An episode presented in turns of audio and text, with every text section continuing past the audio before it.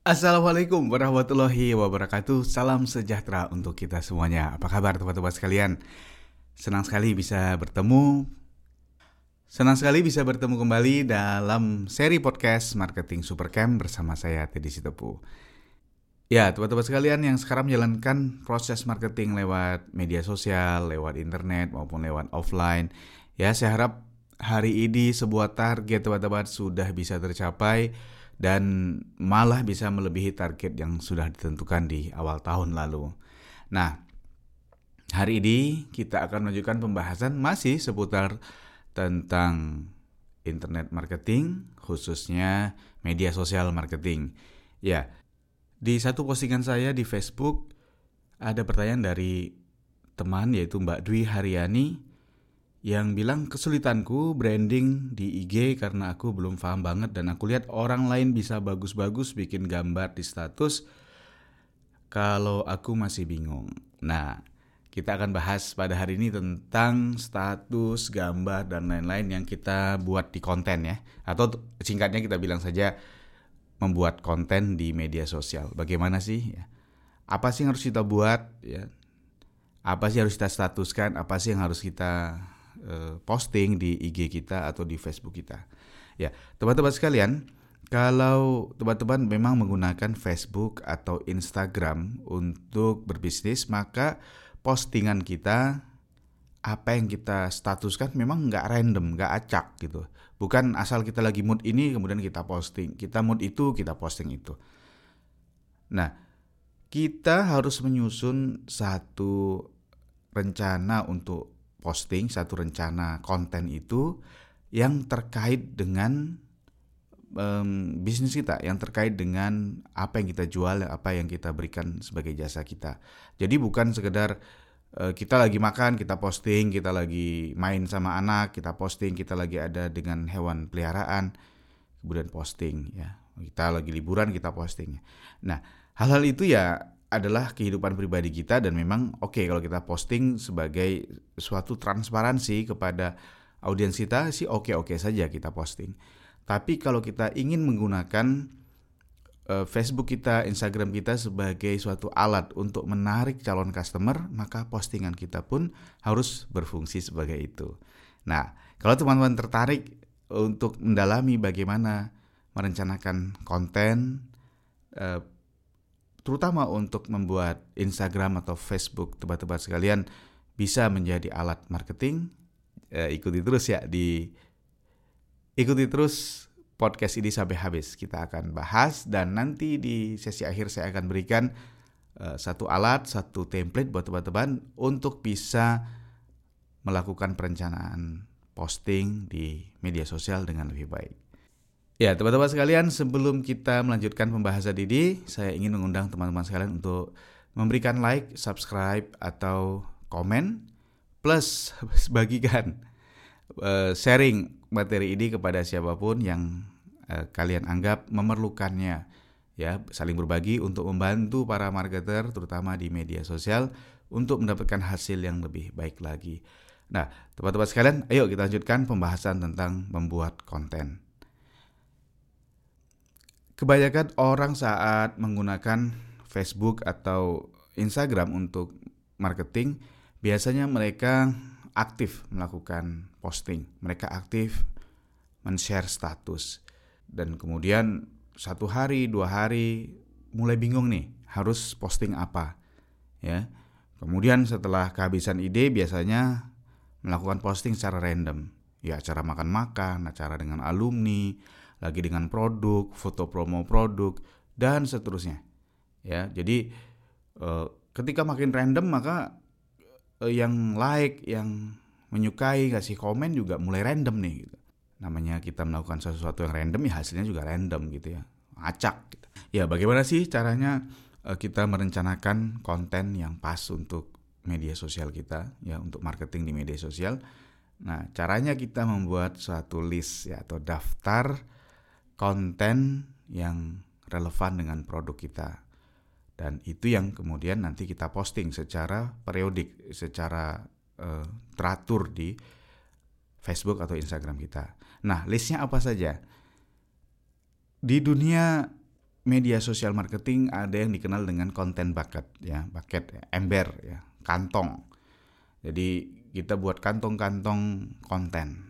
Nah, kantong setiap kantong tuh punya suatu khas atau ciri atau punya suatu kelompok ya, punya kelompok konten yang sama. Misalnya kita ada di industri kesehatan, ya, industri nutrisi untuk suplemen makanan. Nah, maka konten bucket kita bisa berupa satu tentang edukasi kesehatan e, terkait dengan makanan, ya. E, kemudian bisa juga kita buat konten bucket kedua adalah makanan yang dilarang. Konten bucket yang ketiga, misalnya kita buat olahraga yang cocok untuk orang yang berat badannya berlebihan. Konten bucket yang keempat misalnya kita buat tips hari ini ya. Jadi itu isinya tips hari ini semua. Ya. Kemudian yang kelima kita bisa buat uh, foto produk jadi produk-produk yang akan kita tampilkan di Facebook, di Instagram. Yang kelima testimoni dari para customer. Misalnya kita buat 6 konten bucket tadi. Kita buat 6 jenis Eh, konten yang akan nanti kita produksi.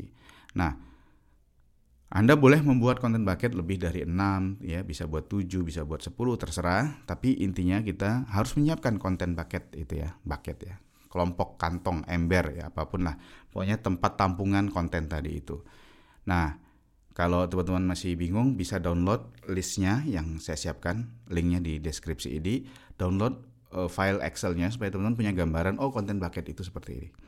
Nah, jadi intinya adalah enam hal tadi adalah tema-tema yang akan kita buatkan kontennya dan kalau bisa ya, ini tips dari saya isi tabel tadi, tabel konten kita itu enam kelompok konten tadi itu dalam waktu satu bulan. Siapkan dalam satu bulan. Kalau tidak bisa satu bulan ya satu minggu paling tidak. Nah, misalnya tadi cerita tentang tips uh, makanan ya, makanan yang sehat itu teorinya bagaimana? Oke, buat satu tentang keseimbangan karbohidrat, protein dan uh, vitamin-vitaminnya. Materi kedua tentang uh, waktu makan yang baik, ya, kapan yang boleh makan, kapan boleh tidak. Ketiga, kita buat lagi postingan tentang uh, bagaimana menjaga supaya jumlahnya cukup tapi nggak kelaparan gitu ya karena dalam uh, industri suplemen makanan itu yang paling sering dibahas kan masih tetap lapar nih walaupun makannya mencoba mengatur makan tapi malah lapar dan akhirnya makan banyak gitu.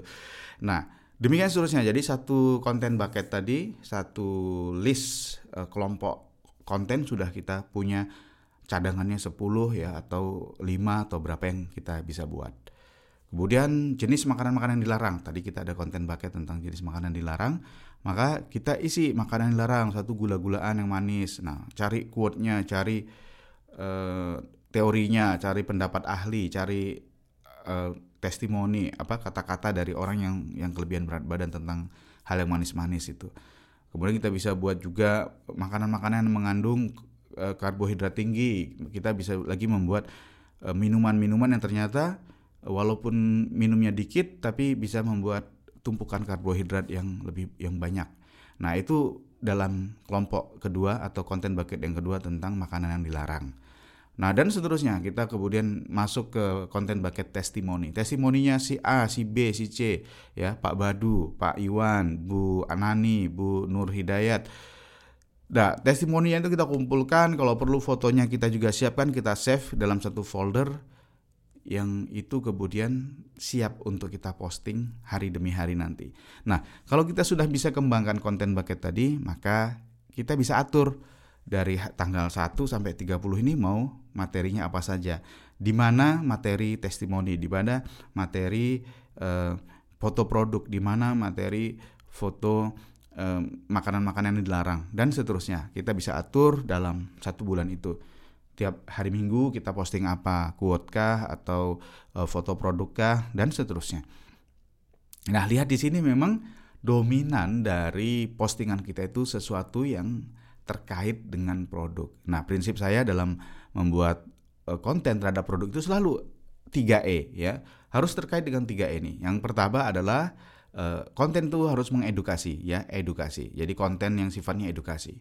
Yang kedua, konten itu harus entertain gitu ya, menghibur, menyemangati, membuat uh, orang itu dari harinya yang ya bad day kemudian menjadi good day gitu ya. Jadi senang gitu terhibur dengan konten-konten yang terkait dengan produk-produk kita atau jasa-jasa kita. Yang ketiga, konten kita itu haruslah mengempower. Empower ini uh, apa bedanya sama mengedukasi? Empower ini adalah sesuatu konten yang dia bisa membuat orang bergerak, melakukan action. Jadi kalau misalnya tadi di industri uh, suplemen, makanan, uh, kesehatan, buat dia melakukan tiga langkah latihan ini, tiga langkah hidup sehat, atau tiga jenis makanan yang bisa langsung diolah hari ini, dan seterusnya. Jadi uh, sesuatu yang bisa mengempower dia, dia membuat dia action, membuat dia menjadi lebih baik. Nah, begitulah cara saya membuat konten-konten yang selama sebulan gitu ya. Paling tidak saya buatkan seminggu dalam setiap saat. Jadi seminggu ke depan saya sudah punya list konten yang harus saya sampaikan. Nah, teman-teman bisa melihat uh, postingan saya bahwa industri saya di bidang internet marketing, di bidang sosial media marketing. Kemudian postingan saya adalah bagaimana membuat agar para audiens saya itu yakin saya punya keahlian, punya uh, kompetensi di bidang internet marketing. Kemudian konten saya itu juga harus bisa mengantarkan mereka yang sama sekali tidak paham tentang internet marketing, tentang Facebook marketing atau Instagram marketing yang melakukannya dengan cara random, secara acak, kemudian mulai paham, oh ternyata ada teorinya, oh ternyata ada tekniknya ya untuk melakukan internet marketing itu. Nah, itu tujuan saya melakukan uh, membuat konten dan memposting konten. Kemudian listnya kita mulai ajarkan tentang uh, bagaimana membuat caption di Instagram, bagaimana sebaiknya jadwalnya, bagaimana kita membuat jadwal konten, bagaimana kita memberikan interaksi engagement dengan para audiens. Nah, itu adalah konten bucket saya dan podcast ini misalnya postingan saya tentang bagaimana uh, merencanakan sebuah konten adalah bagian dari konten bucket dan postingan saya yang saya tujukan mengedukasi. Nah, jadi selalu relevan ke situ. Jadi nggak kita random, kita tidak acak melakukan postingan yang sesuka kita. Kemudian kita berharap dari postingan itu orang tertarik membeli produk kita. Tentu sangat sangat eh, tidak logis ya. Nah, Teman-teman sekalian, setelah kita punya konten bucket tadi, maka postingan kita akan lebih mudah. Kita tidak kehabisan ide. Kita bisa merencanakannya jauh hari sebelum kita akan posting. Kemudian kita juga punya satu jalur atau punya suatu tahapan-tahapan postingan yang mana dulu nih yang kita lakukan supaya kemudian audiens kita itu bisa paham eh, dasar-dasar pengetahuan atau dasar-dasar pemahaman yang harus dia miliki sebelum dia memutuskan membeli. Nah, teman-teman sekalian, coba deh ya lakukan menyusun konten bucket di minggu ini ya. Tabelnya Excel dalam bentuk Excel sudah saya siapkan di link di bawah ini. Anda download kemudian isi. Itulah kami jadi rencana konten teman-teman sekalian dari hari uh, Senin misalnya sampai hari Minggu yang akan datang. Mudah-mudahan ini bisa menjawab pertanyaannya dari Mbak Dwi Haryani ya. Dan juga mungkin teman-teman lain yang punya problem, punya masalah bagaimana membuat konten yang bisa menarik dan nanti bisa relevan dalam mendukung proses penjualan kita di media sosial. Nah, oke, jadi mudah-mudahan ini bisa membantu teman-teman juga untuk memahami Facebook marketing, Instagram marketing lebih mendalam, ya. Sampai di sini dulu. Terima kasih atas perhatiannya. Jangan lupa like, subscribe, dan share kalau ada teman-teman yang membutuhkan informasi atau advice dari podcast ini. Assalamualaikum warahmatullahi wabarakatuh.